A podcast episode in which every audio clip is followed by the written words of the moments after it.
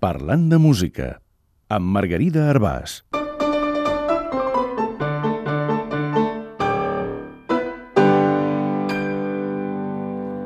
Les caramelles. Les caramelles són una festa tradicional de Pasqua, en què les colles de caramellaires van per les cases i canten, i de vegades ballen cançons, que poden ser satíriques, de festeig, religioses o de celebració de la primavera. Aquestes cançons, com les colles que les canten i la festa en si, s'anomenen caramelles. I també són caramelles el menjar o els diners que els donen els veïns per fer un tec al final. A part d'això, la nit de Nadal, a Eivissa, també es canten caramelles, en aquest cas de tipus religiós.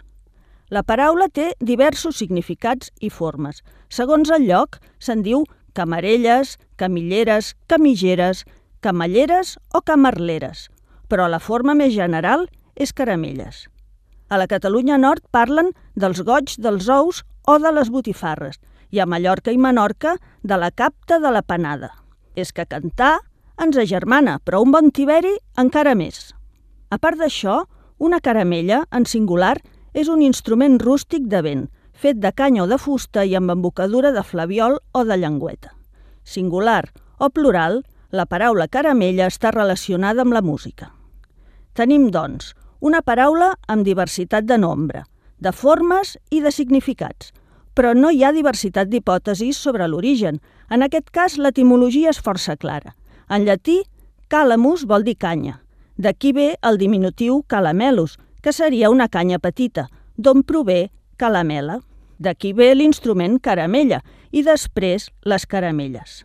El llatí calamus també és el darrere de xeremia i xirimita, que designen instruments. També en prové caramell, que és un penjoll de glaç, una estalactita o un regalim de cera.